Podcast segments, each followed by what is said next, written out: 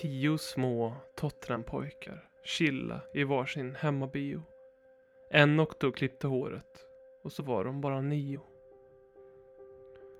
Nio små Tottenham-pojkar följde med Troy Parrott till Dubai för att shotta. En frågade vart han fått knarket ifrån, sen var de bara åtta. Åtta små Tottenham-pojkar spelade Fifa.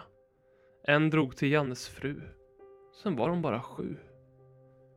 Sju små Tottenham-pojkar tittade på Tangay som åt Mariekex. En av dem talade ut i The Sun och sen var de bara sex.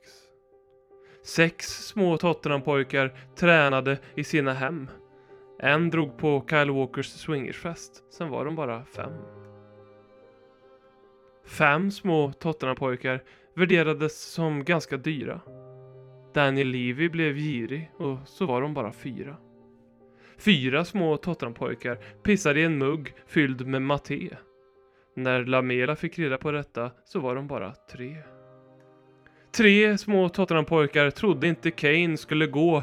Sen ringde Real Madrid och så var de bara två. Två små Tottenham-pojkar längtade till att ligan skulle starta igen. Sen såg de spelschemat och tabellen och så var de bara en. En liten Tottenham-pojke gav José ett svar. Men det visade sig att det var Delles bror. Sen var de inga kvar. Hi, this is Ledley King, and you're listening to the Ledley Kings Need podcast. Podcast. Podcast, podcast, podcast, podcast, podcast. Hör upp, kamrater. Håkmans soldater. Käka liljevita oblater. Och drick dina kolhydrater. Konsekvent, inkonsekvent. Det bästa som någonsin hänt. Du kommer aldrig bli dig själv igen, min vän. Här flödar hybrisen.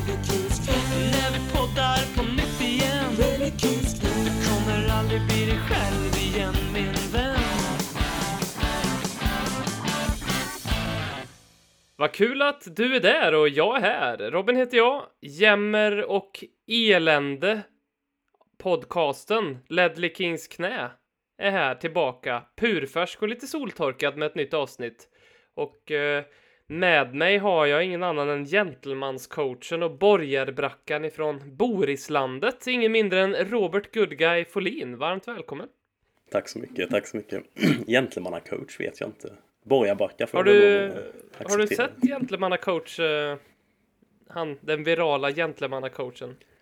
Eh, nej, men jag, jag kanske har sett något klipp snurrat förbi, men jag har inte faktiskt tittat på det. Var det han som var arg och var och boxades på något i... Ja, precis. Ja, jag har inte faktiskt kollat på den. Jag har sett eh, att den har bara dykt upp, men jag har inte... Man kan rekommendera att titta till honom lite. Det är ju en um, sån här, um, vad ska man säga, självhjälpskille. Eh, kille. Men, och det första, som, det första klippet jag såg var inte när han boxades, utan då var det när han stod och pratade med något meddelande som skulle gå ut till massa säljare antagligen, för att han stod typ framför en bokhylla med massa eh, böcker om försäljning bakom. Han hade kostym och det var sådär om hur man skulle sälja och då tänkte jag, för fan vilken avskyvärd person det här verkar vara. Sen så kollade jag lite närmare på det här och nu börjar jag tycka att han är ganska skön faktiskt. Alltså det är någonting, man, drar, man sugs in i gentlemannacoachen. Det kan vara värt att kolla. Det är ju, om man får säga så här, liksom alla fiskpinnar är inte riktigt i paketet. Ehm, så att det blir en, det är en förmildrande omständighet. i- De ligger lite fallet. utspridda i hela frysen. Exakt, men de är där. Ja, de är så att man kan liksom se, man får leta lite bara. Ehm, Okej, ja, men det låter ju som om inte så är det ju värt att studera då enbart för att studera min konkurrens. Precis, den andra gentlemannacoachen. Mm. Du, hur eh, sysselsätter du dig nu i coronatider? Eh, ganska mycket jobb och eh, en hel del lek med dottern och sen eh, när dottern sover på kvällen och sambon jobbar så är det mycket lek med football manager. Just det. Så är det. Ha, vad, har du, vad har du för något projekt där då? Ja, ja, precis. Jag köpte det för några veckor sedan nu, så jag har dragit igång ett Bradford City-projekt. Eh, upp från League 2 då till, eh, ja, ja, målet är väl egentligen att någon gång vill jag gå om Leeds Oavsett vilken nivå egentligen. Precis, just det, det är bittrare Ja, var det är det. ju Yorkshire där uppe så Leeds ska vi, eh, det är första målet på något vis. Nu ser ju Leeds ut i min save då på att det ser ut som att de håller på att gå upp i Premier League. Så det, men ja, det är det långsiktiga målet. Det är lite gentlemansklubb Bradford eller? Ja, jag har inte, jag har inte, börjat läste lite om dem för några veckor sedan. Jag har inte kommit riktigt i, ihåg det så jävla väl. Jag har för mig att det var någon sån där grej jag läste om att på 90-talet någon gång så gjorde de något sympatiskt gällande biljettpriser i någon sån här eh, de gick upp men liksom behöll skitlåga priser för eh, säsongskorten. Eh, trots att det var, de där- var väl i Premier League för inte jättelänge sedan va? 20 15 år sedan kanske? Något Ja, sånt. men jag, jo, jag tror det, för jag känner igen de här tröjorna. Eh, liksom gulrandiga. Eh, Mm. Jag är rätt säker på att de har varit där uppe och snurrat någonstans. Nu har det ju gått helt Mm. åt helvete för dem. Men eh, jag försöker reda upp det. Mm. Ja, en Hur stor är arenan? 20, 24-25 tusen tror jag. Så det är ändå Okej. rätt så dugligt för att Mm. vara där nere. Och gamle Tottenham-keepern Luke McGee är på lån. Åh fan. Där vet du. Mm. Ja, det är i de där låga divisionerna där eh, det, är- det är så charmigt att de flesta spelar eh, färdigheterna är liksom inte ens tvåsiffriga. Utan det, Ja, hittar man en 11 så är det oh. ja, ja. här har vi en spetsegenskap. Ja, man, hitt, man hittar ganska många, man stöter på ganska många Tottenham rejects där nere också, så här gamla akademispelare. Jag såg att Mm. på min sida, så en av de mest varnade i hela ligan var Dean Parrott. Han som skulle Oj. bli eh, svinbra. Han har hamnat, jag kommer inte ihåg vilken klubb, men där nere någonstans i, alltså ganska uselt gäng i League 2. Och tydligen blivit arg som fan. Om man ska, honom. ja, faktiskt. Det, han lirade väl under Redknapp så som 17-åring i någon Ja. Europa League. Och gjorde ett par eh, U, ja, utvecklingslandskamper för England, Mm. om inte jag minns Ja, fel också. ja. Där. Ja, Han var det ju rätt, han var det lite hype kring ett tag. Men det Mm. slutade sådär. Det är ju de spelarna det inte hypar så jävla mycket kring som det oftast går bättre för. Lite så är det ju. Det är därför vi vet att Troy Parrott egentligen är stekt då. Ja, ja, ja, det kommer ju aldrig gå. Det kommer ju sluta. Han opererar bort blindtarmen nyligen också. Ja, just det. Så, eh, Det känns bra. Det känns som att han tar en sån sak väldigt bra. Han är ju en hård typ liksom. eller var det, var det blindtarmen eller var det liksom tech? Är det bara täckmantel för Ja, något annat som har hänt? Textman, han kommer inte spela fotboll på typ sex år Nej. nu. Eh, och sen så, ja men det var en tuff väg tillbaka. Det är ju liksom the Tottenham way. Lite grann. Idag är det för övrigt eh, årsdagen av eh, Champions League-finalen, första juni. Ehm, um, Dämpas skrev till oss på Instagram att han såg den matchen i repris nyligen. Um, och konstaterade att, att vi borde ha, ha vunnit. Jag vet inte, minns du den matchen så? Eh, alltså det jag minns av det, jag, jag kan ju inte säga att jag minns spelet särskilt mycket i den. Man, var ju, man är ju ganska emotionell när man är mitt uppe i det och sen har en del öl innanför västen också. Men jag minns att vi hade jäkligt mycket boll, men att det kändes som det var jävligt frustrerande. Det var svårt att skapa något jätte något jättefarligt. Det var väl, var det inte något Mm. läge i slutet på någon fast situation som kunde Jo. gått vägen och sen så tappade vi in eh, en boll till i slutet. Väl? Ja, för jag vill minnas det som att även om inte det var så, så att Tottenham alls styrde matchen så vill jag ändå minnas det som att man hade hopp väldigt länge. Mm. Men det var väl eh, eh, Divock Origi, han gjorde väl mål i 80 Mm. minuten och sånt där. Ja, det var- Ish, det så var där det var väl då det släcktes liksom.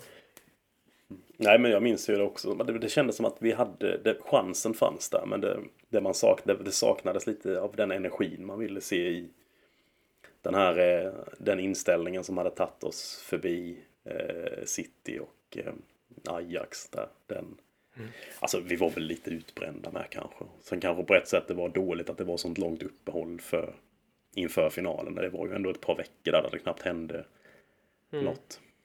Möjligt att man gick ner sig lite. Eriksen började leta efter nytt hem och allt möjligt. Mm. Jag kan inte säga att jag minns det. Jag tänker inte på den särskilt mycket heller. Jag tror inte jag vill se den igen. Alltså fy fan. Nej, nej, verkligen inte. Det känns, allt, allt med den känns bara väldigt mörkt. Mm. Det var som att det var en sista spratt, dödsryck från Pochettinos på något vis liksom. Ja. Och inte ens det, för att det var inte ens de, det var man egentligen som man vill minnas Pochettino-fotbollen. Um, nej, jag, jag kan inte säga att jag minns det som att vi borde vunnit, men det sa ju också Pochettino här nu. Han var ju i en intervju, en öppenhjärtig, eller flera intervjuer. Han har väl eh, antagligen, för det, det, bara pangade ut en massa intervjuer med honom. Eh, man kan väl tolka det som att det Livi under den här eh, kontraktstiden som eh, Pochettino fortfarande var inne på. eh, att han inte fick uttala sig med media, för den gick ju ut här nyligen när han, ble, när han blev en så, så, kallad free transfer eh, från Tottenham. Så han var ju fortfarande avlönad här fram till någon månad sedan. Sen dess har det kommit väldigt mycket intervjuer. Och det var en av sakerna att han sa att han mindes den där finalen som att vi borde faktiskt ha vunnit. Eh, vilket, jag vet inte riktigt om det känns så bra att han säger så faktiskt, men eh, ja. Vi, eh, någonting som återvänder efter ett eh, uppehåll ehm, är ju Premier League och det ska vi diskutera här idag uh, lite grann. Men jag, jag, vill bara. Har du också lagt märke till att Harry Kane har tjockat på sig lite? Eller var det en dålig bild? Ja, det såg ju ut som han hade myst lite hemma i nu under. Det är ändå tre månader sedan. Eh, eller ja, kommer det vara då när det drar igång igen som Premier League spelades och han har ju varit skadad. Han var väl skadad ett tag innan det också. Så han har väl haft tid mm. på sig. Och... Han, fick han inte barn ganska nyligen också? Jag tänker det är några sådär stresskilon kanske. Kanske med. Jag kan tänka mig att han liksom knappt har reflekterat över det själl. Fast det känns så jävla otippat han och blir lite smålu... Sådär. Ja, faktiskt. Men eller så är det där att han har... Har han blivit bekväm kanske? Han har bestämt sig nu men jag ska vara i Tottenham. För evigt liksom, då kan jag ta fem kilo till. Jag gillar ju de här... Ja, något shortbread han tycker är för jävla gott liksom till kaffe. Det är mycket skönare att bara ha en smooth ride resten av livet än att liksom försöka sträva efter någonting. För det, det krävs, bara krävs det. Han har insett det. Han är ju tvåbarnsfarsa liksom. Ja, han ju sett. Vad fan ska han bry sig för? Han tänker väl som oss andra fäder liksom. Jag börjar ju känna ja. så lite också. Liksom, ja, Nu har jag för hållit igång rätt bra under lockdownen här men det är ju mest för att hålla i sinnet friskt liksom. Men man är ju lite mm. mer sådär, ja ja det spelar inte så, det inte så, spelar inte så stor roll om jag ser så jävla perfekt ut. Jag har ju fan barn nu. Då. Skitsamma, det kan man ju checka ut. man testar lite grann med vart eh, sin respektive har liksom kan jag, kan, jag, kan jag vänta några dagar till med att raka mig och ja, nu jag, kan jag bli lite tjockare kanske. Så här, kan jag lukta så här mycket svett? Mm. Kan jag... Ja, men man måste ja. ju testa. Alltså, se mm. var gränsen går. Ja, det vill jag göra. Men han kanske siktar på att bli vår Letizier liksom. Han hade ju lite extra... Vad fint det vore! Ja, faktiskt. Han hade ju lite extra kilo med på sig, men var ju ett jävla geni. verkligen det. Han var ju skitfin. Så det kanske Tyvärr är så, det känns ju som att de dagarna är så förbi att um, Premier League-spelare kan ha några extra kilo. Um, det har hänt så otroligt mycket med sporten på det här viset att det är en sån extrem survival of the fittest i, dub i dubbel bemärkelse, liksom att man, man måste vara riktigt jävla vass eh, för att kunna hålla måttet. Man kan inte vara liksom fet men med bra teknik eller spelförståelse eh, längre. Det är synd. Fan, ja, det är jättesynd. Ja, ja, det är ju de, jag för mig jag nämnde det någon gång i någon podd med att det, liksom, det man saknar lite är ju de här karaktärerna som när man själv spelade på låg nivå. Man träffade på ett mm. lag som liksom bara hade gamlingar som var, man tittade på dem och bara, mm. vad fan är detta? Men så var de tekniska mm. så in i helvete så även om man var ett ungt lag mm. själv så fick man springa satan i 90 för att orka med dem. Men alla såg mm. att de sprang ju knappt men de hade sån jävla teknik mm. och var bara rena mm. talanger. Så men, det du säger är att inte ens Daniel Levy hade köpt eller hade värvat Andy Reid nu. Nej, jag tror inte ens han, även om han har liksom fått han eh, ihop med Michael som bra, Precis, ihop, som också hade lite extra kilo, eller? Dawson var väl lite... I början då eller, kanske. Kän, inte i Känns slutet. det bara som att han var tjock? Nej, det kanske... Nej. Ja, men möjligen, möjligen i början kanske, men absolut inte på slutet. Men, men uh, vad Andy Reid, uh, var han den sista tjockisen i Tottenham då? Eller kan vi räkna Tanguy Ndombele som, som Nej, inte på den nivån är han ju inte. Ja, han såg, det ser ju ut som att han och Mourinho har brutit mot lockdown-reglerna ganska mycket och varit ute och sprungit faktiskt nu. Han, Verkligen. Så det, detta kanske var det bästa som kunde hända en Dombele. Så han fann lite pandemi och lite lockdown. Mourinho som säger och mm. ringer på dörren varje dag. Fy fan. I sin träningsdräkt. Man kan ju tänka sig sådär att Mourinho är, är där klockan fem. Han är en sån som vaknar liksom halv fyra på morgonen och ja, går upp och dricker kaffe och läser tidning. Han har inte tid att sova. Han, jag tror inte Mourinho är en sån som äter frukost utan det är, sån, det är liksom en sån här espresso bryggmaskin, eh, maskin, eh, pang i med den och sen så, så ska han liksom göra någonting. Mm. Det var kanske därför han tyckte det var så jävla skönt att han, när han fick sova på, eh, eh, Just ute det. på träningsanläggningen. För jag tänkte sådär, "Han- du måste ju fan bo på bra hotell ganska ofta. Det kan ju inte vara komma som en chock för dig att det finns bekväma kuddar liksom. Nej, för han bodde ju på hotell i typ eh, under hela hans United-period så hyrde han ju sviten på något jävla panghotell liksom. Ja. Ehm, Det är klart sviten i Manchester, jag vet inte hur håller den för. nej, det är nog uh, ja, bed and breakfast-kvalitet. Stugby i Skåne. Exakt. Men eh, vill du ha en liten recap på Premier League? Kör fan. Det kan lära behövas. Ehm, för den är ju precis som restskatten och Almedalsveckan och årets julvärd, någonting som bara återvänder år efter år utan att man tänker på att det har varit borta. Eh, vi är på åttonde plats i ligan. En poäng och en match mindre spelad än Arsenal. Eh, Arsenal är ju den här kli- eh, vad ska man säga, kringflackande klubben i röda dräkter som spelar sina hemmamatcher på ett bibliotek. Eh, om du hade glömt dem. På sjunde plats ligger Sheffield United, eh, två poäng före oss. Också en match mindre spelad. Hängmatch där. Ehm, och sen har vi Wolves på samma poäng som Sheffield, en plats upp. På femte plats på 45 poäng. Vi har ju då alltså 41 poäng. Eh, så har vi Ole Gunnar Solskjärs konstprojekt Manchester United och med sju poäng för oss och med nio matcher kvar så är Chelsea fyra just nu. Eh, formmässigt av alla de här lagen eh, så liksom all den här formen av förhoppning du, du nu har och tillförsikt du har byggt upp inför Premier League-säsongen kan jag eh, ganska tydligt deklarera att de, på de fem senaste Premier League-matcherna i alla fall så eh, har Tottenham överlägset sämst form eh, med bara sju ihopskrapade poäng. Eh, Arsenal har till exempel inte förlorat på fem matcher och det har inte United eller Wolves heller gjort. Eh, och vi har också nio matcher kvar. Fem av dem är hemma. Eh, om det nu kommer spela någon roll får vi diskutera sen eftersom att det troligtvis blir utan publik. Manchester United, West Ham, Leicester, Arsenal, Everton hemma. Och det är faktiskt de tuffaste lagen vi har kvar hemma, för vi har fyra återstående bort bortamatcher och det är Bournemouth, Crystal Palace, Newcastle och Sheffield. Det beror ju dock på hur man ser på det, för det kan ju faktiskt vara en eh, nedflyttningsstrid där för Bournemouth och Crystal Palace som kan bli jävligt jobbig. Eh, så.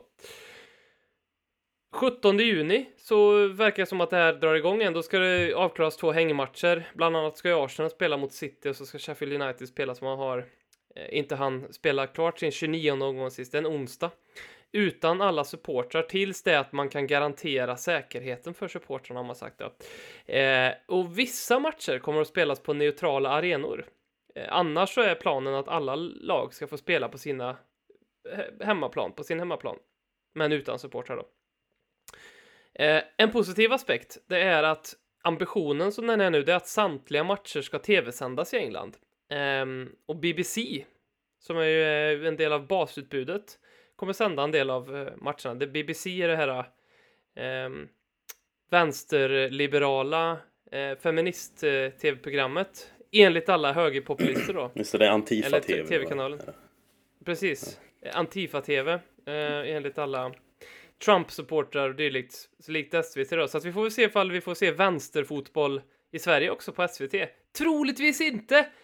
Kan inte se hur vi har satt kommer att bjuda liksom på, ja men ni får de här matcherna. Um, nej, eh, det känns som att det bli, kommer bli eh, uh, via play, men å andra sidan alla matcher. Men först och främst, vad känner du för att, att Premier League ska dra igång igen?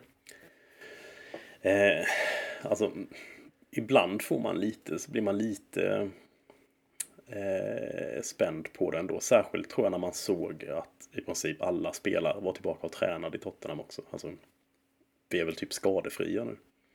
Mm, vi är helt skadefria. Eh. He- Hel, hela laget är helt Mm. återställt, sa José i en intervju idag. Och sen samtidigt så kommer man ihåg hur det var när man åkte och tittade på dem innan det blev kris i hela världen. Och då blir man Mm. väl inte riktigt lika pepp. Alltså det är klart, det kommer ju vara och, alltså det kommer, ja, det kommer ju vara jävligt märkligt utan publik. Men jag är inte så... Jag är väl av den åsikten att man borde försöka spela klart. det, så jag tycker det är bra att det, att det görs. Eh, och på ett vis i Premier League så är det väl rätt skönt att, att ligan, alltså ligatiteln i princip är avgjord redan. Eh, så att där kan det inte vara något tjafs egentligen. Det, för den saken skulle det ju mer en formalitet och spela det så länge så att Liverpool faktiskt vinner den. För det, det kommer de ju göra. Men sen är det klart, det blir ju konstigt för andra lag. Det kan ju vara, kanske vara lag som har varit inne i jävligt bra form som höll på att ta sig ur en bottenstrid som blir indragen igen. Men ja, det, det är som det är liksom. Vad, vad fan ska man göra? Jag tycker ändå det är bättre att försöka få klart det än att bara voida den. Har du kollat på någonting av Bundesliga? Nej, jag har bara kollat lite highlights. Jag har inte kollat på någon match. Jag kollade också highlights och um, jag var så nära på att börja följa det, men, men um, jag, eftersom att jag missade de första matcherna och så kollade jag highlights och så såg jag direkt att det här är inget för mig och det, och det var på grund av det här med pub publiken. För det kändes, jag, jag vet inte hur jag ska förklara det, men, men att se fotboll när man hör varenda liten spark och varenda litet stön och man hör dem alltså det låter, det, det är inte professionell fotboll. Och jag vet inte det egentligen, um, alltså egentligen vet jag inte om jag vill ha det så, för egentligen är det ju fotbollen som jag på något sätt, det är ju sporten jag följer. Självklart är det ju liksom publikens reaktioner och sånger och eh, att vara en del av en klubb um, också en jättestor del av varför jag följer fotboll. Så egentligen tänker jag att jag borde inte påverka så mycket av det, men det gjorde jag verkligen. Jag, tanken på att konsumera eh, Premier League på det sättet är så främmande för mig, så jag, jag känner mig nästan lite eh, det känns lite motbjudande på det sättet. För, för, för, så. Men jag kan verkligen dela det här med att det ur Tottenhams perspektiv faktiskt känns lite bättre att vi har fått den här vilan. Jag tror Tottenham är ett av de lagen som faktiskt gynnas av det här. Um, hatar att sprida pos eh, positivism här nu, för jag kommer att slå hål på den sen, för jag har också tittat på en liten prediction, jag kommer till sen, men jag tror Tottenham kommer vara ett sånt lag som, som kommer gynnas av det, och, och, och därför är det ju kul att det drar igång. Um, men fan vad, vad bisarr känsla det kommer vara eh, utan publik och framförallt brittisk fotboll som vi vet har så otroligt, där den tolfte mannen verkligen är den tolfte mannen. Och om inte, om inte det är den tolfte mannen så i alla fall så är ju publiken Alltså Aston Villa var väl en av de klubbarna som jag tror ganska ty först tydligt var ute ut med att de inte gillar den här idén eftersom att de är en bottenstrid och, och, och de pratar om hemmamatchfördel och inte bara hemmamatchfördel då för att det, det pratades om att de skulle spela på en neutral arena men också för att ja men när vi har man räknar med att det går bättre i hemmamatcher för att spelarna är mer upphåsade så. Um, så lite vemodig känsla. Men jag gjorde en sån här predictor. Jag gick in och så fyllde jag i alla resultaten. Um, och då fick jag ändå en liten förbättring. Jag tror att Tottenham blir sexa okay. eh, till slut. Eh, tyvärr så tror jag att United kommer att peta ner Chelsea. Eller tyvärr säger jag, men eh, jag tror United har ett ganska bra spelschema. Chelsea har ett desto sämre spelschema. Um, så att United borde ta igen det tycker jag. Sen så tror jag att, så som du sa lite grann, vissa lag och jag tror ändå att Wolverhampton och Sheffield United hör till den kategorin av lag som inte gynnas av det här breaket. Eh, för, för, där har vi två lag som, eh, alltså, form, levde väldigt mycket på sin form och, fram, och sitt momentum. Eh, det är två lag liksom med en en inarbetad trupp, eh, inga nya tränare, utan de, de, har kört, de har burits fram lite extra mycket på sin framgång och jag tror att för, för dem kommer det här bli lite pyspunka. Nu måste de börja om lite grann och hämta, hitta tillbaka till någonting snarare än för oss då och möjligtvis också United som mer har haft det så här. Vi har haft en jobbig säsong, det har varit tufft. Det här är en chans för oss eh, att väcka liv i det här. Dessutom har vi fått in lite friska nya spelare som vi har saknat eh, under säsongen. Eh, och det talar för oss. Arsenal är jättesvårt att värdera skulle jag säga. Eh, men kanske att de också tyvärr är lite i samma läge som oss. Ny manager ganska nyligen som vill sätta sin prägel, har fått göra det. Sen så hoppas man väl eh, skadeglatt nog att den här coronasjukan eh, som drabbade Arteta, de var ju först ut med det och de var ju först ut med att de inte fick träna tillsammans när vi fortfarande tränade där en tid bak. Um, och ifall det har splittrat dem och att de har haft lite längre startsträcka för att komma tillbaka. Ingen aning, otroligt svårt att säga. Um, Ja, det väl Så det så- kanske blir en race med dem om sjätteplatsen. Mm. Ja, det är ju ändå en förbättring på var vi ligger nu, om än lite liksom. Mm. Det är väl så nu, ja det beror på om City faktiskt blir utslängda ur Champions League eller inte. Men annars är det väl femteplatsen som räcker i sådana fall, om de skulle bli utslängda ur Champions League. Precis, För, för, om de blir utslängda. Och sen vet jag inte hur det är med Champions League. Eh, men det är väl inget... Eh, fan, det har jag helt glömt. Men våran sista match så åkte vi väl helt ur Champions Mm. League, så var det va? Mm. Mot Leipzig. Och det gjorde väl... Har jag fel nu? Men gjorde, åkte inte Liverpool ut också? Jag har glömt detta. Jo visst, ju fan Mot gjorde de med mot Atletico? Atleti- Ja. Ja, de, de, så att jag bara funderar på om det är så att... Eh, men så är nog inte reglerna ändå, så att det vill säga att om Liverpool hade vunnit Champions League i år igen, att de... Eh, att, att de hade eh, eh, gett en plats till Premier League, men jag tror inte att det funkar så faktiskt. Så det blir nog Europa League nästa år. I alla fall. Mm. Men jag är väl så, jag vill hellre ut i Europa på i något vis än att jag är inte riktigt en sån Champions League. Jag är inte en sån finsmakare än så liksom Europa League duger inte. Det, är gott, Mm. det går fint med bortamatcher i Vitryssland också. Det har sin charm. Spela final nere i Kaukasus någonstans dit ingen kan komma liksom. Det som är jobbigt är ju att vi får äta upp väldigt mycket av det bajs vi har kastat på Arsenal. eh. Alltså det här med att de har spelat på torsdagar i Europa League Mm. medan vi har... eh, Den får man käka i sig liksom. Ja, det gäller ju bara att de inte tar sig dit då. Så då tar jag ju hellre Chelsea och United där i en... Ja, ja, det är givetvis. Men de får ju verkligen inte ta sig dit bara.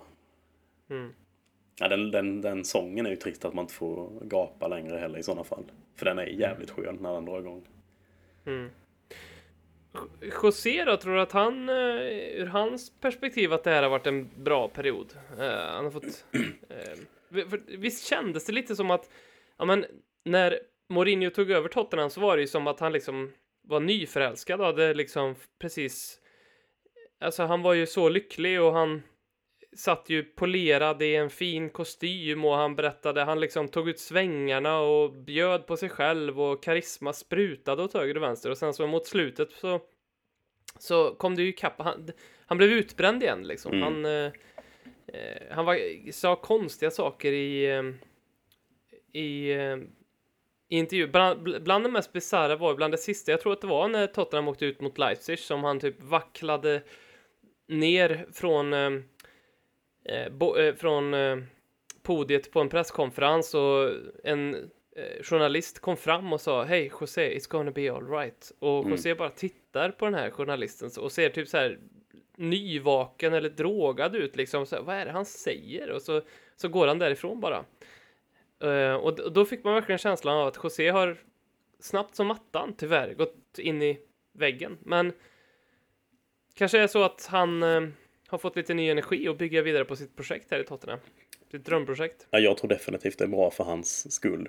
Eh, delvis både där, därför att han kan lugna ner sig själv lite och kanske ta det lite lugnare. Och han har ju pratat om att han vill ha en försäsong med laget hela, hela tiden. Nu får han ju i alla fall ett litet längre break. Men också det att vi supportrar, för jag minns precis innan det, alltså den, den känslan man hade kring klubben precis innan det blev uppehåll. Den var inte positiv. Den var jävligt Nej. negativ, alltså väldigt sådär.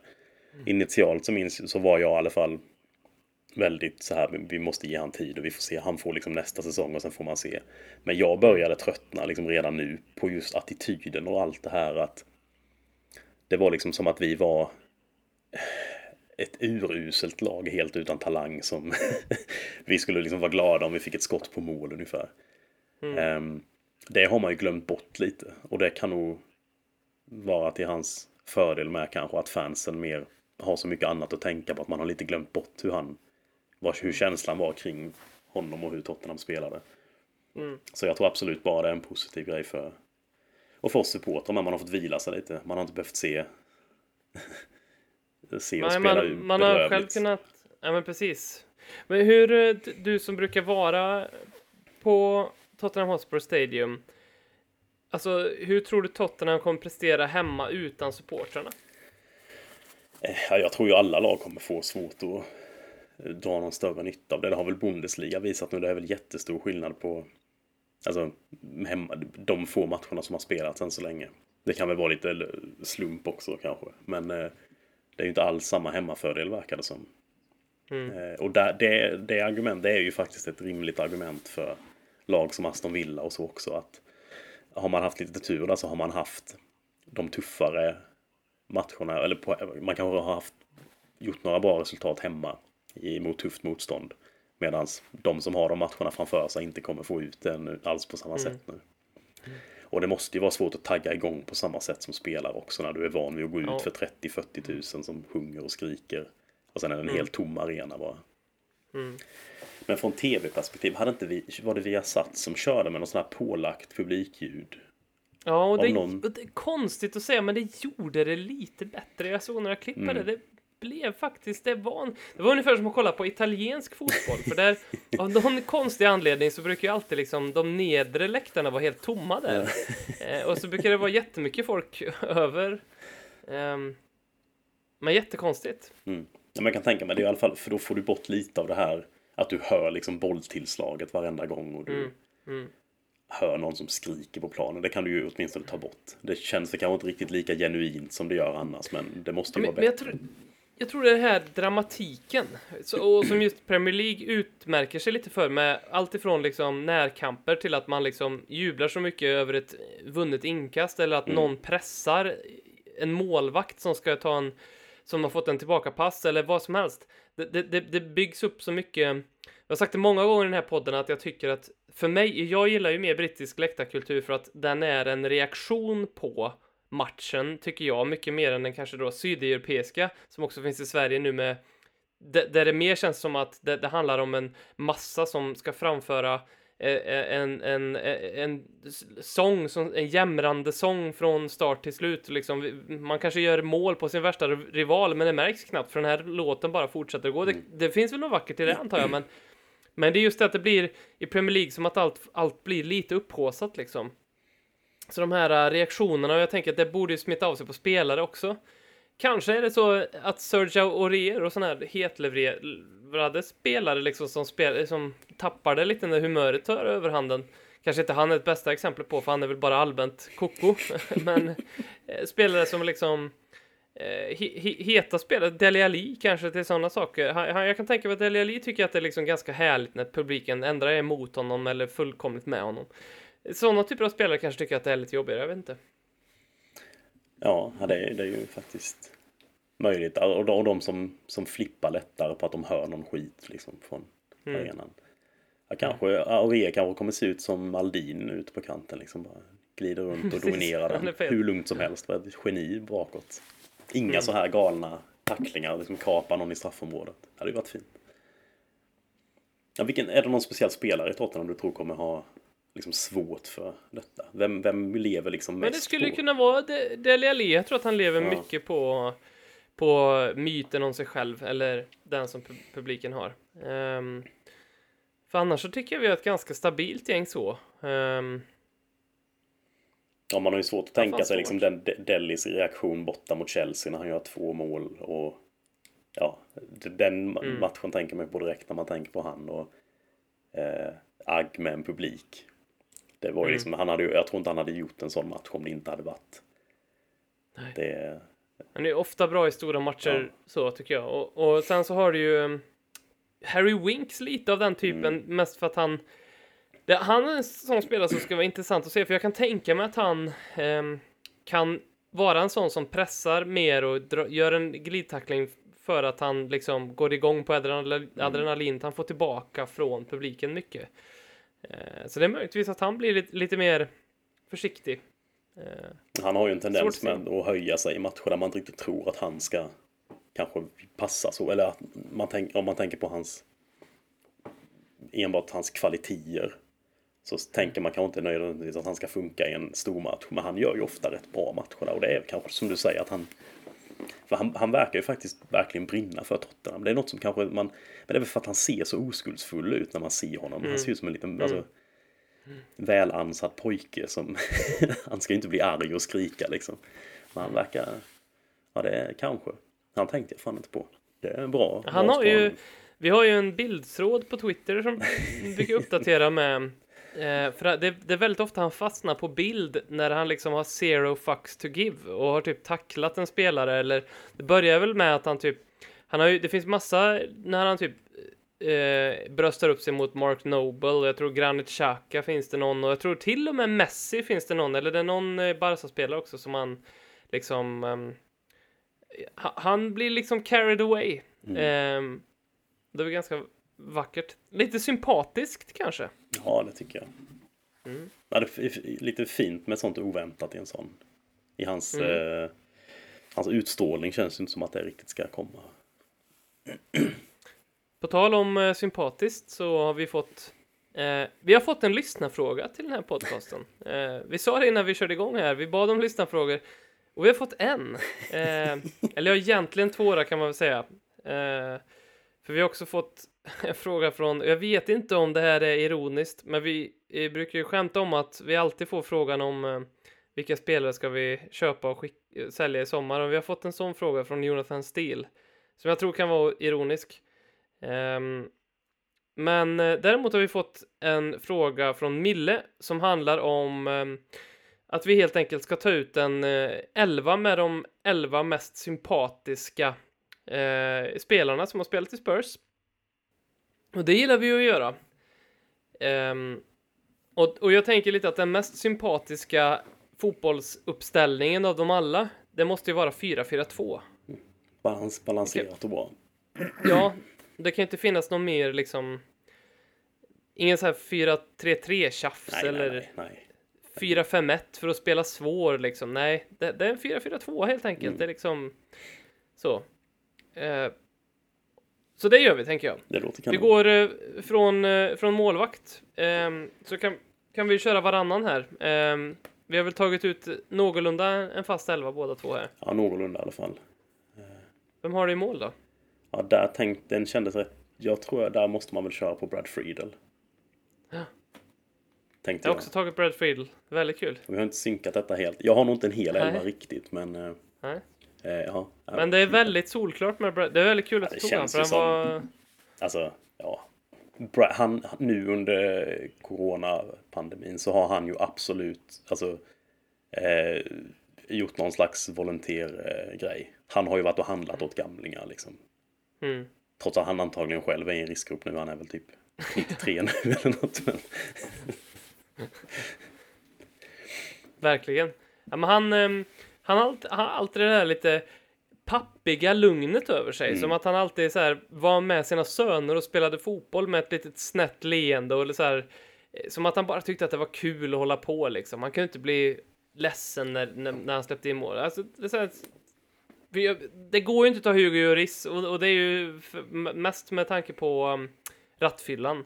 ja. Det, det kan ju på, på sätt och vis vara lite förskönande för hans person för det, det ger, det, lägger, det adderar ett mörker och ett djup men eh, sen så Hugo Lloris bjuder inte in till någonting. Jag vet ju ingenting om han. Jag har ju liksom ingen bild på hur hans personlighet är. Han är för tyst för det tror jag. Mm. Så nej, Brad kändes väldigt given. jag är lite förvånad att, att du inte tog Erik Thorstvedt. Um, eftersom att du hängt med han lite. Ja, jo, han var väldigt Han sympatisk kanske var också. osympatisk efter.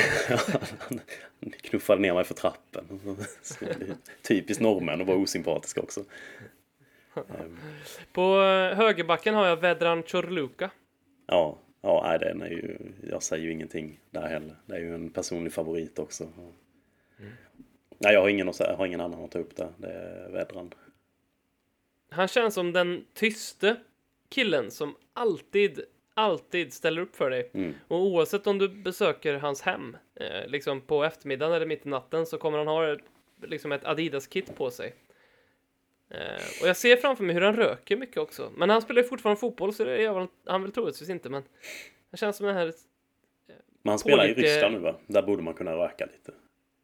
Det tycker jag. Jag tycker, jag tycker det. Där kanske den här, det som vi pratade om innan, den här tjockisen fortfarande skulle kunna. Inte för att, jag kanske inte tjockisen, men där kan jag tänka mig att det, man nästan uppmuntras lite mer och liksom fan ta och basta lite och drick lite vodka nu eller Kör en vodka i paus. Ja. Ja. Eh, fan, det är rysk fotboll kanske man skulle kolla mer på. Den är väl inte igång nu, det är väl vitrysk som har hållit igång under Ry- Rys- Ryssland har ju inga problem alls med corona. De har, det, de har, det har inte kommit dit, så att det borde ju vara igång. Men det kanske, de kanske tar ett eh, uppehåll av sympatiska skäl för omvärlden så att inte deras liga ska dra ifrån allt för mycket. Jag vet inte. Ja, nej, de har väl mest haft problem med läkare som har ramlat ut genom fönstren. Ja, men precis. trist. Jävla problem att dra på sig. Så jävla tråkigt det händer. Turen då att coronakrisen inte har, då har nått dit. Så det är ju det är inte så att de behövdes för den.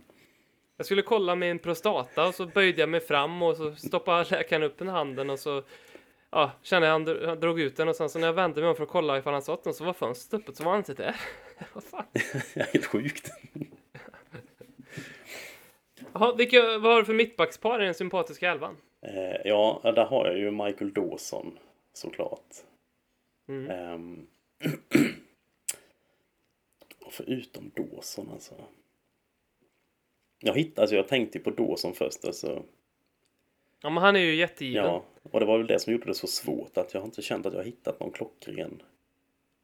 Vad hade vi? Kanske Led- Ledley King kanske? Ja, jo, men den kändes också lite för lätt egentligen. Och, Mm. ja. Jag ville liksom hitta någon lite mer o... eh, Jag, jag, var, jag, var in, jag var inne på Gary Mabbott. Han har gjort Ja, eh, ja, jo, jo. typ näst mest matcher för oss. Eh, men och bara den saken att han har avgjort en eh, FA-cupfinal är det väl ehm, med ett självmål. Eh, det är ju Ja, det är charmigt. faktiskt snällt. Men sen så liksom den typen av brittisk ehm, den, vad ska man säga, den eran eller generationen av brittisk fotbollsspelare det finns mycket tveksamheter där. Det känns så att det, han går bort på grund av liksom att jag tänker att för det var liksom bland de första som var riktiga superstars, verkligen riktiga su- superstars och det var ju långt innan så de, dels var de rika det var innan liksom det här riktiga med eh, tajta kosten och tuffa träningsschemat så att de var ju liksom de söp ju bara och ja, allt, jag vet inte vad de gjorde men eh, det känns som att han liksom solkas lite av det. Man kanske var superempatisk, jag vet inte. Men Mille sa väl också att det var på 2000-talet, tror jag. ja, just det. Så det kan då- vi ursäkta oss med att... eh, Men en, en, ett namn som dyker upp, men jag har ju ingen aning om hur han var. Det var eh, Callum Davenport. Ja, just det. Gjorde typ några matcher i mitten. Ja, helt tidigt. bedrövlig också för mig. Ja, men eh, jag vet inte varför. Jag kände bara han, han han, borde vara sympatisk. Han hade en sympatisk uppsyn. Mm, Men var han inte lite Sen- lik Michael Dawson? Liksom? Jo, Fast Dawson var var mycket det. bättre. Davenport såg ju bara lite mer så här, um, vad ska man säga, förvirrad ut. Han var väl också, han, det var väl en av de första fotbollsspelarna, det vet jag inte om han var den första, men som eh, fick eh, sitt hem rånat och sådär. Eh, jag tror att han var ute efter en riktigt så här otrevlig sak, Mm. eh, back in the days. Callum Davenport. Men då ska vi ge honom platsen kanske. Vi ger honom platsen tillsammans med Michael Dawson. Så blir det Corluca, Dawson, Davenport. På vänsterbacken så plockar jag ut Danny Rose. Vad tycker du om Mm. det? Ja. Ja, det var inte han jag tänkte på. Jag förstår ju hur du... Han är ju sympatisk på så sätt att han eh, liksom vågar prata om grejer som man eh, kanske inte i normala fall pratar om som fotbollsspelare. Och att, liksom, för att han känns rätt mänsklig. Och det är ju fint. Jag tänkte på eh, Lee. Eh, Ja, Jung Pyo Lee. Mm. precis. Eh, där ute. Kändes också sådär skitsnäll bara. Känns, eh, han är ju vänsterbackarnas Vedran Corluca. Mm. Faktiskt. Alltid instoppad tröja och... All, han har aldrig i sitt liv har Jung Pyo Lee haft eh, någon gelé eller vax i håret. aldrig! Behövs ju inte. Den utgift som är på noll i hela hans liv. Det är liksom en jävligt effektiv frisör, det är allt du behöver. De klipper Ja, det visst. precis så. Eller om han ens går till en frisör, det kanske... Ja, han tar bara en skål hemma och så sätter han den på huvudet och så ber han sin fru klippa runt den liksom. Ja, jag... Han var ju jättestabil han. Han var ju aldrig så här fenomenal eller så, men han, han spelade ju bara väldigt stabilt för oss under många år. mm, men innan han kom med så var det väl så att han, han blev lite hypad för han hade varit... Han var ju rätt så offensiv och teknisk i, i eh, Mm. Holland när han spelade där. Men det blev väl aldrig riktigt samma eh, eh, effekt hos oss. Men, alltså en fullt duglig vänsterback och det är ju sympatiskt liksom. Det är ju som du säger, det är ju Choluka-stilen. Han kommer inte göra bort sig. Var väl Choluka, hade väl kanske lite högre höjd. Men eh, Ja, nej, jag, jag håller nog på Li ändå. Får väl lyssnarna Mm. Vilka- vilka... de vill ha in. Vilka mittfältare har du då? Ja, Scott Parker måste ju in. Mm. Tycker jag. Men han är väl en sån som är sympatisk att ha i laget. Och en sån som står upp med när, folk... Eh, som när han, ska börja slåss med halva Chelsea på... Vad det, det var Mm. Wembley va, i den semifinalen när vi fick stordäng. Också alltid instoppad eh, tröja. Good family man eller vad det var Harry Redknapp sa. Att han var. Precis. Eh, ja, Scott Parker och ehm, där tänker jag väl Ja, alltså jag tänkte Tom Huddlestone Mm. initialt. Men det är nog mest, alltså det känns sympatiskt med någon som tycker om att äta ketchup och godis. Liksom det, han blir mänsklig på något vis. Jag vet inte om du har något bättre där, för jag är inte helt hundra nöjd med Huddlestone. Men jag har stekt mig lite här för jag missar ju den här 2000-talets grejen. Men jag, Rafa van der Wart har jag här annars. Um, med brasklapp för. Och det här har väl jag valt att förneka. Men det, det gick väl lite rykten, om, om det här vart, om det här är, men han, att han hade slagit sin fru. Och har han gjort det så kan han ju dra långt åt helvete, såklart. Ja, det var väl det jag tänkte när jag såg du skrev det. Uh, för jag, jag, det är jag rätt säker på att det var liksom halvbekräftat åtminstone att något hade Ja. hänt där. Men eh, ja, alltså sånt här är ju skitsvårt att ta. Jag vet inte alls hur det egentligen ligger till. Nej. Men Nej, vi, vi, han blir diskvalificerad. ehm, ja, det känns konstigt att försöka ursäkta in honom på något sånt när man inte riktigt har. Ja, alltså, jag, är ju, jag, är ju Det- en, alltså, jag är ju ändå ett jävla Raffa-fan. Men alltså, man blir ju sån med... Alltså, jag menar, Paul Gascoigne är en stor jävla hjälte i, i mina ögon. Och det är han ju på grund av vad han var för fotbollsspelare. Liksom, ja, ska man väga in all skit han har gjort så ska han ju antagligen inte vara i närheten av någon hjältestatus. Men ja, det, det är ju komplext med sånt här idolskap. Men jag känner nog Raffa kanske får eh, vänta lite att komma in. Vi pausar honom. Så tar vi någons... Eh, Nico Kranjčar. Ja, åh gud. Ja, ja, ja. Fan, det var också en sån, det kändes aldrig som det gick särskilt fort. Men Nej, nej. han hade Mycket kunnat lägga på sig en rejäl eh, kagge också och fortfarande vara jävligt användbar. Men han, just med det, så han hade alltid en sån stor tröja Mm. på sig. Det var som att han hade, att han bad om att få spela i XL eller någonting, för det fladdrade alltid om hans jävla tröjor. Ehm, Långa armar med. Alltså han måste ha kört, långa, han måste ju ha kört eh, för stora tröjor. Ja. Ja, För jag för mig någon match så såg det ut liksom som att armarna faktiskt gick ner över liksom handen ja på men honom. jag, det måste ju vara en sån grej han har fått för sig att han spelar bättre liksom Mm. i om han, om han får. Sen så, jag stekte mig lite här som sagt, för jag tog två spelare. Den ena hör ju till det här Young Pulik, Chorluka, Scott Parker-skrået och det är ju Steve Perryman. Men han får ju inte ta för att han spelade ju, han slutade ju på 70-talet i Tottenham, eller om det kanske var 80 till och med. Eh, men han är ju den som har gjort mest matcher för Tottenham.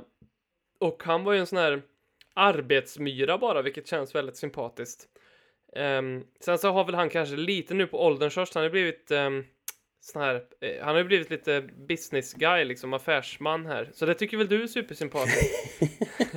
Men han, det, det är som, när man googlar, när, man, när jag började på Google skriva Steve Perryman, då fick jag upp som förslag net worth. Och det, det är så direkt minus på sympatikontot lite grann när, när man har den eh, definieras utifrån hur mycket pengar man har. Men det kan ju inte han hjälpa annat än att han har varit framgångsrik. Eller ja, det kan han ju givetvis, men eh, Han kunde skitit och försökt bli framgångsrik. precis. Men en, en inne mitt vi skulle kunna droppa in är ju Didier Sokora. Verkligen. Verkligen Didier Sokora. Eh, han, var, han var väldigt sympatisk. Och som väl sparkade ner, eh, är det, vem fan var det? I Emre? turkiska, ja precis. Ja. Visst var det Sokora var- som sänkte det- honom? Egentligen var det ju em, Emre som em, kallade Sokora för uh, n-ordet. Ja, och ja. i returmötet så, så finns det ju bland det bästa klippet, kanske näst bästa klippet på Twitter som brukar cirkulera ibland. Det bästa är ju givetvis Battle of the Bridge, alla tacklingarna som ser ut som ett rött kort varenda en. Eh, här kommer då ett klipp när i returmötet när Emre jag vet inte vilka lag det är, men Emre spelar nog i Galatasaray, tror jag. Kan ha jättefel med det här. Jag ger mig inte ut på det. Eller Fenerbahce menar jag, men jag ger mig inte ut på det. Um, Emre spelar och möter Sokoras lag och då har ju Sokora eh, dels då så skakar ju inte han med Emre, och sen så har ju han instruerat sina lagkamrater att eh, ju mindre ben eh, som är hela i Emres kropp efter den här matchen, desto bättre. Ehm, och det, det hela avrundas ju av en helt avskyvärd tackling, men i sammanhanget är den fantastisk. Men det är ju Sokora som går med dobbarna rakt in i Emres skrev, alltså rakt in. Högt upp är också, fort går det. Ehm, Ja, och det är ju eh, rött kort i typ 200 matcher liksom. Men, eh, ja. Ja, men äh, den är ju jävligt sympatisk på grund av alltså, anledningen och allt bakom det. Mm. Sådär. Men vi kanske ska trycka in Sokora. Ändå. Det tycker jag. Sen hade jag som hon- honorable mention då, och det är ju inte heller, men det är Martin Peters som gick bort nyligen. Mm.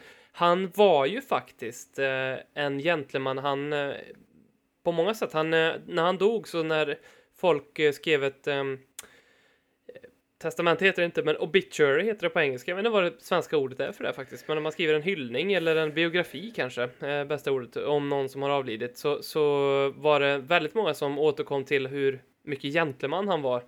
Han gjorde bland annat ett av målen i eh, VM-finalen 1966 åt England och firade den med att eh, åka hem till sin fru och dricka te. Eh, det var den typen av gentleman han var. Ehm, Ja, det är ju Så han faktiskt är liksom- hög nivå hans- på gentlemannaskapet där. verkligen, hans ande vilar över den här elvan lite grann. Och sen är det de här med, med anfallsparen då. Eh. Kan vi, ska vi ha Harry Kane där eller? Är han sympatisk? Ja, nu, alltså det är ju svårt att, inte, alltså, att säga att han inte är sympatisk som Tottenham-supporter. Man kanske kan tycka det här med att, att svära ett fotbollsmål på sin ofödda dotter eller vad det var han gjorde kanske inte ens liksom tog sympatiskt men Men å andra sidan så det han gjorde med eh, Leighton Orient som Mm. gav honom hans första eh, debut eh, i A-lagssammanhang i, Mm. i, i ja, engelsk fotboll. Eh, så köpte han ju rättigheterna till eh, tröjsponset och så eh, donerade han det till eh, eh, sjukvårdsinrättelsen eh, i Storbritannien och till någon annan hjälporganisation något annat. Eh, ja. det är ju eh, en väldigt fin sak att göra. det Help for Heroes eller vad den heter? Ja, något sånt sån, känner jag igen. Ja, nej, den, den i och för sig, den lyfter väl upp honom eh, så han borde, ja, han får vara med. Vi, vi släpper in Kane. Det är också ett sånt namn som känns lite för lätt för att ta med, men, men det får han fan, han får vara med. Klart Det enda som talar emot han är ju lite dels det med dottern och sen det här att om, om det handlade om att Harry Kane skulle bli världens bästa fotbollsspelare eh, och det innebar att han skulle få trampa på mig med spikskor, då skulle han ju göra det liksom. Han skulle snöra på sig skorna innan meningen, innan liksom frågan var ställd. Ehm, han går ju lite över lik för att bli framgångsrik tror jag. Ehm, Så, så bra, lite brasklapp men Men, men eh, och de här möjliga extra kilon han lagt på sig, det väger till hans fördel också ju. väldigt charmigt ja, å andra sidan. Så, ja, nej, han, han, han klarar sig över, över gränserna tycker jag. Han får vara med. Vem ska vara uppe med honom då? Son är ju en som också känns, Son är ju sympatisk, det tycker jag. men kanske lite mycket hjärnsläpp ibland eller? Ja, lite. Det får vi faktiskt säga. Jermaine Defoe. Ja, det är ju också en som verkligen dyker upp. Framförallt den här, om jag minns rätt, hette han Bradley. Mm. Den här äh, sjuka unga pojken som han blev vän med. En jättefin historia. Mm. Ja, ja den Ehm, är, ja, ja, det är oerhört fint. Värmde ju bröstet, värmde ju Defoe-hjärtat. Nej men fan in med Defoe, det är ju ett jättefint anfallspar med Defoe och Kane. De måste ha gjort någon match ihop va? Typ i Europa League eller något sånt där. Möjligt. Ja, men i Kanes unga dagar i så Mm. fall, med, när han hade mm, 38 på ryggen. Det måste jag bara ta upp nu när jag snuddar vid det, för att det, det jag vet inte om det var årsdag för det kanske, därför det dök upp för um, jag och eh, Anders från Norge, Anders Ås, om du har träffat han, det har du säkert gjort någon gång, eh, var och såg Tottenham. Eh, ja, det var nog en av de här 0 förlusterna som jag var på och då, det här var för ett par år sedan. Eh, då var vi lite på fyllan och eh, Anders skulle köpa en Tottenham-tröja och jag hetsade honom till att köpa Kane 38 för att jag tyckte att det var en kul grej och känns lite så här oseriöst. Du måste göra det här. Det var, det var ungefär liksom som att köpa. Ja, vi har typ ingen riktigt sån spelare nu, men en, en liksom så här Junis verkligen. Ehm, och eh, så hade han på sig den och mött, så mötte vi en japan ifrån Osaka eh, som också hade köpt en Kane-tröja. Eh, och det här var ju verkligen, ska jag säga, innan Kane eh, blev ett namn, långt innan han blev ett namn. Ehm, det var innan Pochettino. Eh, kan det ha varit, kan det varit 2013 detta? Eh, 2014 skulle jag tro kanske. Någon gång där i alla fall. 20, ja, i den häraden. Och eh, det den här japanen sa till oss att Harry Kane kommer bli liksom den, den nästa stora eh, Tottenham-spelaren. Jag, jag, han, är min idol och det var så märkligt. Eh, men det är såklart att det ska vara en japan, för de har ju liksom alla sådana särintressen och så. så det var det vi skrattade så mycket åt att hur kan en japan från Osaka liksom åkt över hela världen för att se, hoppas och se en glimt av liksom en juniorspelare i Tottenham. Men vad rätt han fick då. Ja, alltså det, han borde ju bli scout eller någonting. Ja, precis. Eh, den grabben. För det var ju inte så heller att, när du sa det att det finns inte riktigt någon sån motsvarighet nu. Och det gör det inte, för tänker du på Troy Parrott, han är ju upphypad som fan.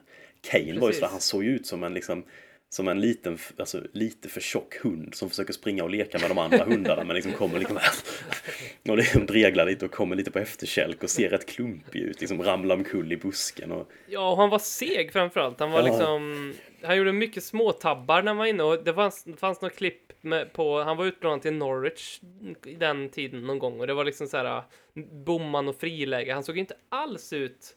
Men, men, men någon som pratade upp han då var ju också Windy, minns jag. Som sa liksom han, den här killen har hur mycket talang som helst liksom. Så att, eh, Men han, måste, sen- han har ju ändrats fysiken som fan också. Alltså hela hans eh, hållning nu är ju helt annorlunda med. Nu ser han ju ut som en sån given...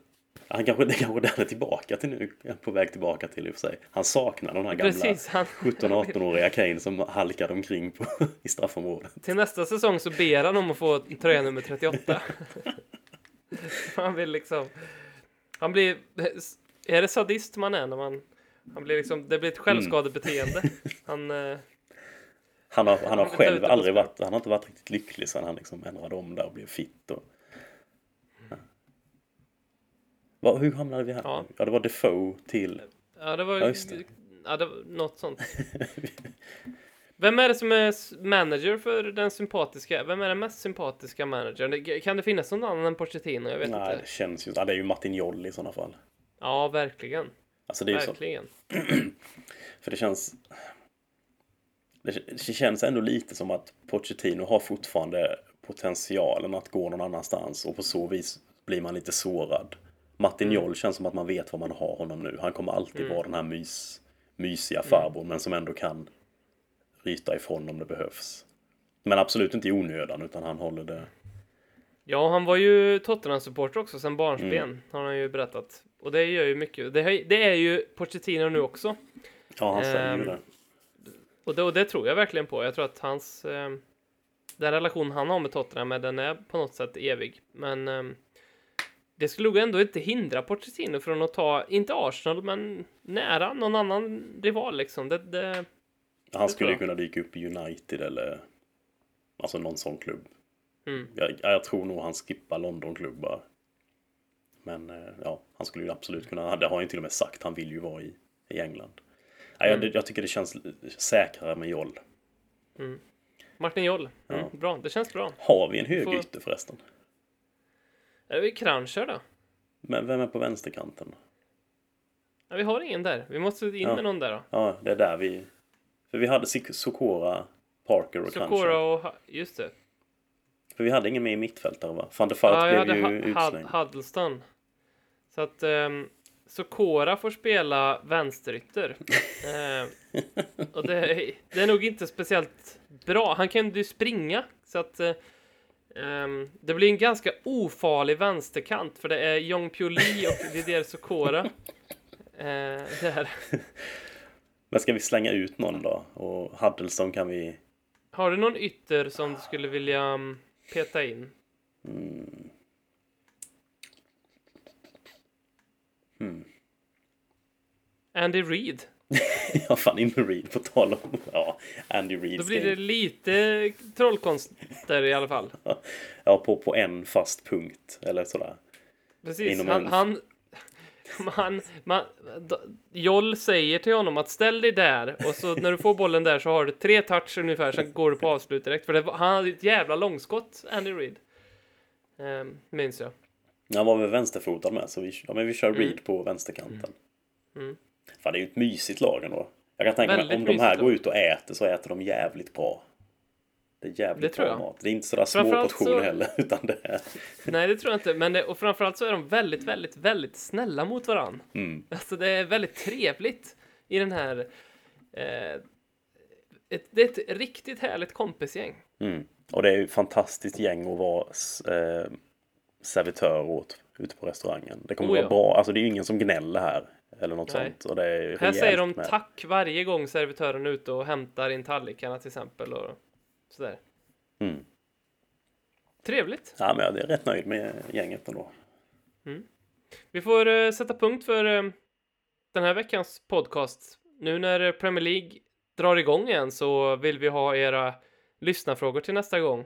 Det är helt okej, vi har också varit ringrostiga eh, och förslag på fler samtalsämnen. Ta en titt i våran shop också, om du inte redan gjort det. Ehm, om du undrar varför ett par motiv har försvunnit så är det för att vi eh, av upphovsrättliga skäl inte fick ha Erik Lamelas Nuna eller Eric Mm. Dyers namn på ett tryck om inte de skulle godkänna detta själva, något som är fruktansvärt osannolikt att de gör. Eh, Om det är någon som har eh, kontaktuppgifterna till Erik Lamela och Dyer så... Alltså Dyer kan jag tänka mig om man bara får kontakt med honom att han bara ja men kör för fan. Ja, ja, det är tumme upp, det är tumme upp. Ja. Det är det. Ja, Lamela ju hoppas också- jag att det är så. Jag hoppas att det är så, men det, ja, ja. Men där kan det finnas en sån här jobbig tweet med att man kommer aldrig till Lamela direkt utan man kommer Nej. till någon liksom kusin eller något som sköter som liksom Mm. äger de bildrätt eller sköter bildrättigheterna. Så. Man, jag hoppas inte man kommer till Lamelas bror, eh, tror jag det var, som flippade fullständigt på Twitter för ett tag sedan, om du kommer ihåg det. Som la ut några eh, otroligt märkliga tweets med... Eh, Var det hans knullvideos, eller? Ja, han la ut vill... Ja, ja, det var mycket märkligt där. Det var någonting som... För mycket av någonting eller för lite av någonting. Jag vet inte riktigt. Något, något gick galet där. Eh, så att hamnar man hos honom så vet det fan vad som händer. Tack för att du har lyssnat på Lelle Kings knä och tack Robert eh, för den här veckan. Tack Robin, Vi hörs snart igen. det gör vi. Hej då. Konsekvent, inkonsekvent Det bästa som någonsin hänt Du kommer aldrig bli dig själv igen, min